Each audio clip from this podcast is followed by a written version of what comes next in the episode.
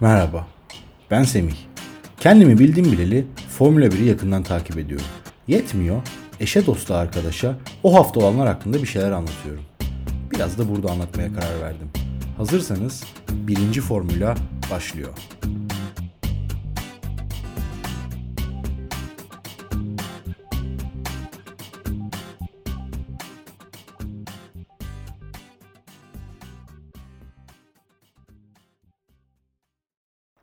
Formula 1'in Avusturya seferi geçen hafta sonu yine aynı pistte Red Bull Ring'de koşulan Citroen Grand Prix ile nihayete erdi.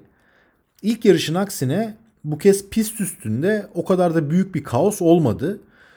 Bunu tabi cumartesi günü sıralama turlarında yağan yağmuru ve o yağmurun ortaya çıkardığı pilotaj farklılıklarını ayırarak söylüyorum.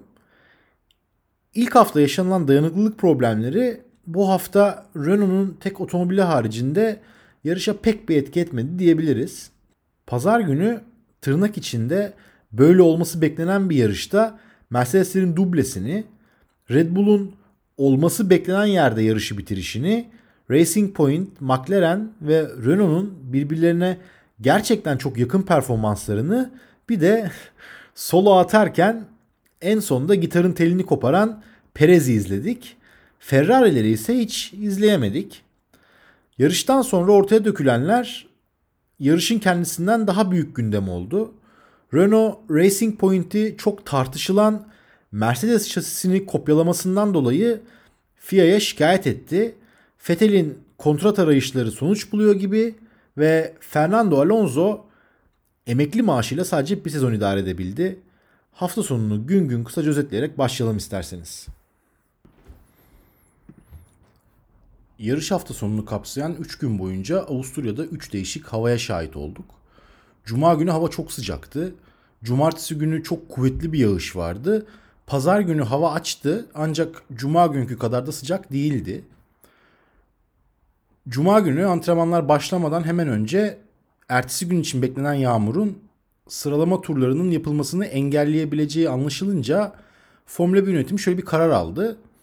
Sıralama turları cumartesi günü yapılmayacaksa eğer pazar sabahı yapılabilir dendi.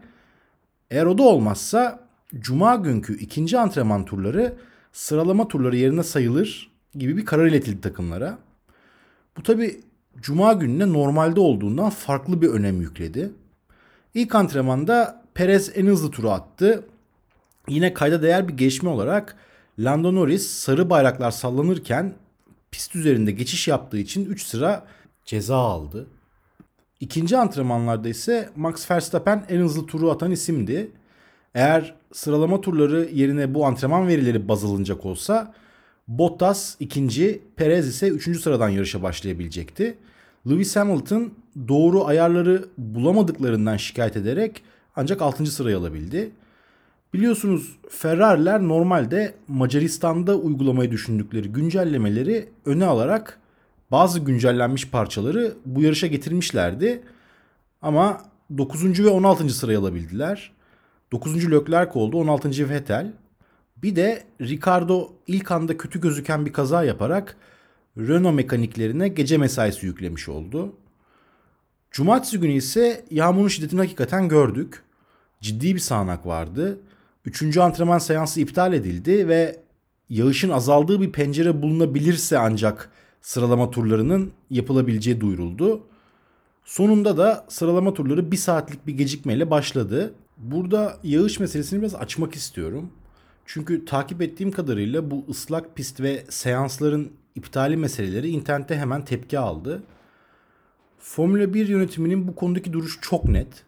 Bütün bu meseleyi güvenlik paradigması üzerine açıklıyorlar. Kurallara göre kaza yapan bir pilot 20 dakika içinde önceden belirlenmiş tam teşekküllü bir hastaneye ulaşabilmeli. Bu da iki şekilde oluyor. Ya karayoluyla ya da hava yoluyla. Yağmurun şiddeti özellikle helikopter uçuşlarını tabii çok olumsuz etkileyebiliyor. Pist üzerinde ambulans görevi gören güvenlik aracı ve havada da aynı şekilde hizmet verebilen helikopterin sorunsuz uçmasını istiyor Formula 1 yönetimi. Eğer bu olmazsa, hava şartları buna izin vermezse o sırada ne varsa onu durduruyor. Eğer sıralama turlarını mesela izlediyseniz tıbbi aracın kontrol amacıyla attığı turu izletti bize Avustralyacısı. Bir de tabii bu işin otomobiller tarafı var. Formula 1 arabaları kuru şartlar üzerine tasarlanıyor ve yağmurda ıslak pistte sadece idare edebiliyorlar. Bu idare etme meselesi otomobillerin performans anlamındaki farklılıklarını törpüleyerek bütün yükü pilotajın üstüne atıyor. Biz de bunu bu şartlar altında başlayan sıralama turlarında hemen gördük. Cuma günü ilk antrenmanları en önde bitiren Perez Q1'de elendi. Mercedes'in geleceği olarak bakılan Russell kuru zeminde aracının performansı gereği çok zor olabilecek bir şey gerçekleştirip Williams'la Q2'ye atabildi kendini. Q2'de yağmur birazcık şiddetini arttırınca tur zamanları geriye gitmeye başladı. Q3'e kalması beklenen isimlerden Leclerc de burada elendi. Vettel ancak son sıradan Q3'e kalabildi. Q3'te bütün grid Lewis Hamilton'dan pilotaj dersi aldı desem abartmış olmam. Tüm sektörlerin en hızlısıydı. Kendi attığı turu bile geliştirdi. En yakın rakibi olan Verstappen'e 1.2 saniye fark attı. Bunu şöyle açıklayayım. Bu ikili arasındaki fark Q1'de .1, Q2'de .2 saniyeydi. Hamilton Q3'te Verstappen'e arabasının performansıyla .2, kendi sürüş becerisiyle ise 1 saniye fark attı. Verstappen'den sonra gelen isimlerin arasında mesela böyle bir fark yok. Herkes bir sonrakinden 0.2 saniye falan geride. Sainz 3. oldu. Şaşırtıcı bir sonuç da bence Ocon'un 5.liğiydi. Onun da yağmur altında ıslak zeminde bayağı hızlı olduğunu görmüş olduk. Pazar günü güneşli bir havada başladı yarış. İlk 8 pilot arasında orta hamur tercih eden tek isim Ricardo'ydu. GK'nın herkes yumuşak lastiklerle başlamayı seçti yarışa. Start verildikten sonra ön taraf için temiz bir başlangıç oldu. Hamilton hızlıca istediği farkı yaratıp kendi temposuyla sonuna kadar gitti. Zaten pit stoplar haricinde bir daha onu ekranda görmedik bile. Sainz Verstappen'i ilk iki virajda biraz zorlasa da o da istediği çekişi yakalayamadı ve önce yerini korudu. Sonra birazdan kendimce de detaylarını açıklamaya çalışacağım şekilde hızlıca arkaya düştü. Arka tarafta ise olan Ferrari oldu.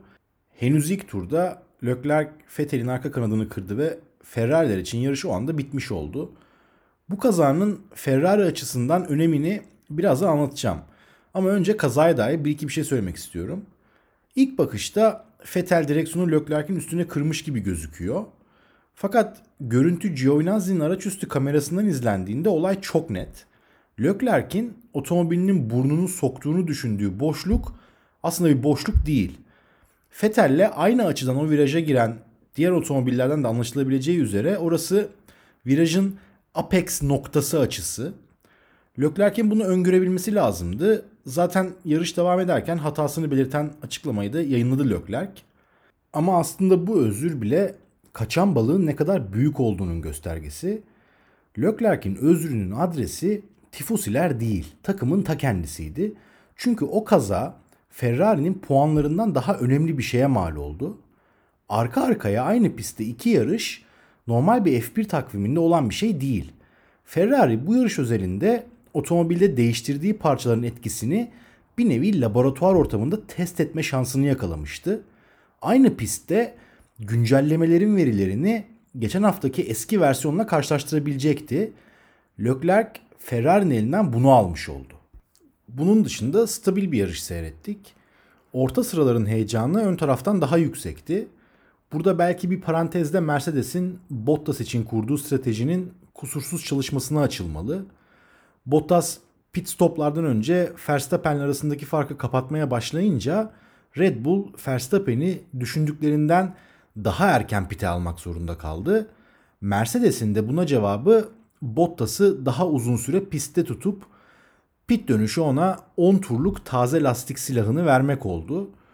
Bottas yarışın bitimine 3 tur kala rakibini yakalayıp geçti. Verstappen virajlarda çabaladı ama DRS ile beraber Bottas düzlükte daha hızlıydı. Bu yarışın en heyecan verici kısmı bence Racing Point ve McLaren kapışmasıydı. Bu iki takımın bir ortak özellikleri var. İki takım da antrenmanlarda ve sıralama turlarında tek turda yakaladıkları hızı yarış temposunda koruyamıyorlar.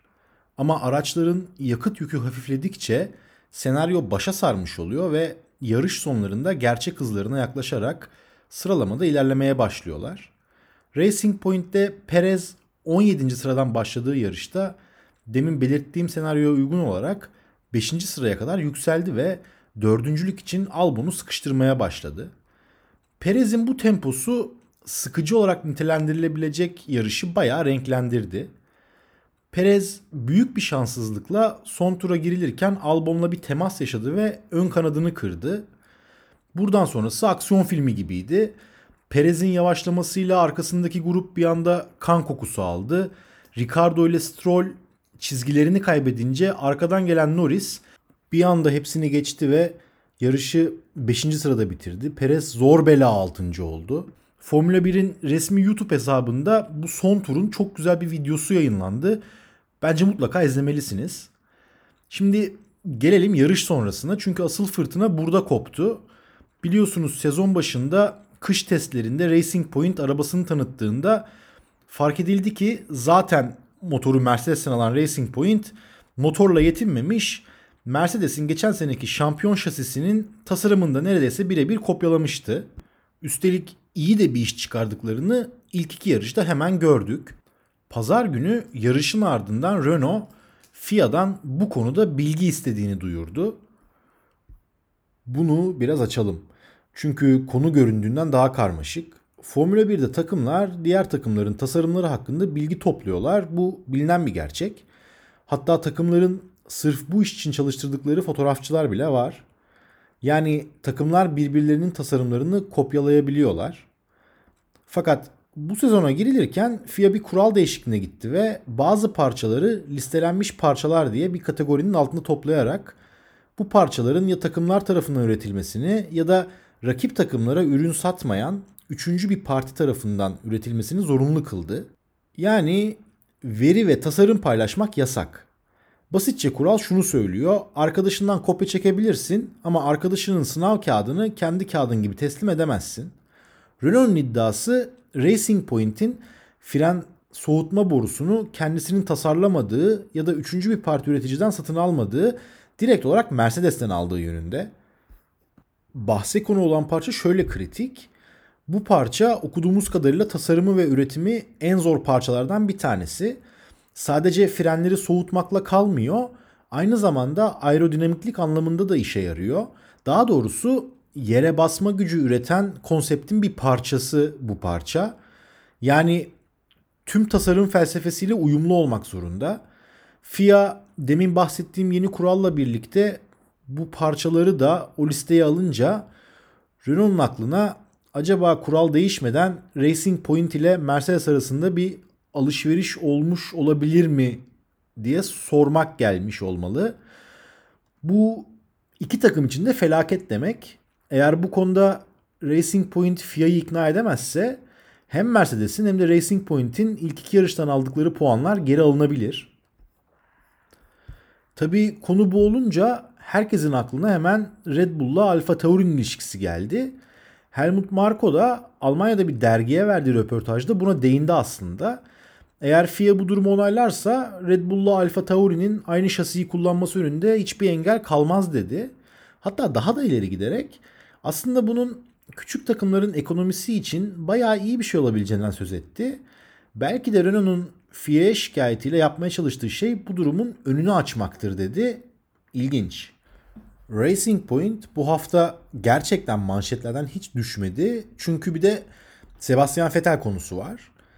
Bildiğiniz gibi Ferrari Vettel'in sezon sonunda bitecek kontratını uzatmayınca Vettel'in 2021 sezonunda Formula 1'de yarışıp yarışmayacağı hala belirsiz durumda.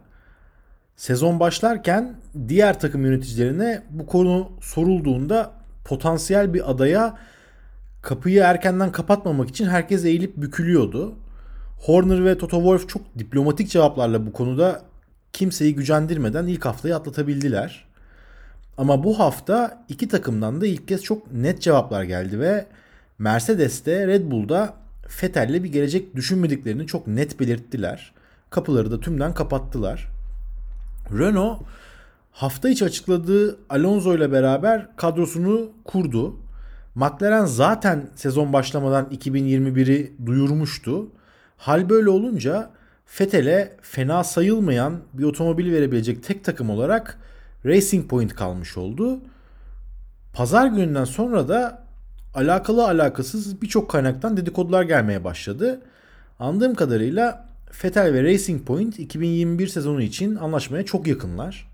Burada artık cevap bekleyen en önemli soru Vettel'in Racing Point'te kimin yerini alacağı. Lance Stroll takım sahibi Lawrence Stroll'ün oğlu. Hatta zamanında Ocon bu takımdan Stroll için gönderilmişti. Perez ise telekomünikasyon devi Carlos Slim'in vatandaşı ve Carlos Slim'in Perez'i maddi anlamda desteklediği bilinen bir gerçek. Perez'le beraber Carlos Slim'in de parası Racing Point'e geliyordu. Hatta takımın Force India'dan Racing Point'e dönüşümü sürecinde Slim'in yarattığı kaynakla iflastan kurtulduğu haberleri çıkmıştı. Lawrence Stroll bu ilişkiyi riske eder mi bilinmez. Ama ben mesela Stroll'ün kendi oğlunu feda edeceğini düşünüyorum. Amerikan serilerinde filan ona bir koltuk verip buradan devam et diyebilir gibime geliyor. Racing Point'in bu noktada bir fetel hamlesine ihtiyacı var mı diyecek olursanız aslında evet olabilir. Çünkü takım seneye Aston Martin ismiyle yarışacak. Yani daha doğrusu bu şekilde bir dönüşüm gerçekleşecek. Fetel burada önemli bir vitrin olabilir. Öte yandan takımın motor sağlayıcısı Mercedes ve takımda Alman bir sürücünün olması her zaman iletişim ve geri bildirim anlamında çok iyidir. Gelen haberler 2 Ağustos'ta açıklamanın yapılacağı yönünde. Bakalım merakla bekliyoruz. Son olarak bir de önümüzdeki Macaristan Grand Prix'sine bakalım. Macaristan koronavirüs kaynaklı kısıtlamaları çok sıkı uygulayan bir ülke ve bu hafta sonunda da yansıyor olacak bu. Takımlara pist ve otel haricinde her şey yasak. Pek bir seçenek sunulmadı. Hungaroring saf hızın pek bir avantaj yaratmadığı, geçişin çok sınırlı olduğu pistlerden.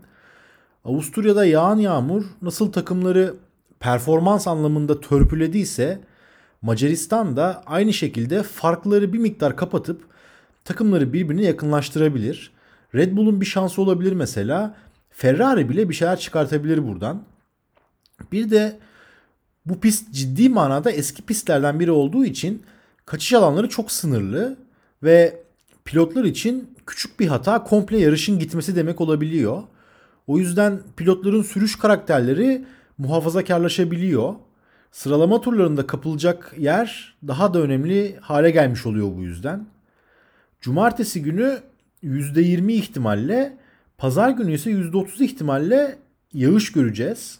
Yine aero anlamında bir güncellemeyle geliyor Ferrari. Ama hafta arası Fethel'e soruldu bu. Mucize beklemeyin dedi. Yarışı bitirirler inşallah. Renault'un da iki haftadır yaşadığı bir radyatör problemi vardı. Onu kesin olarak çözdüklerini açıkladılar. Racing Point'in FIA ile yaşadığı durum malum. Kafaları bir miktar karışık olacaktır. Bu haftalık benim notlarım bunlardı. Beni dinlediğiniz için teşekkür ederim. Haftaya görüşmek üzere.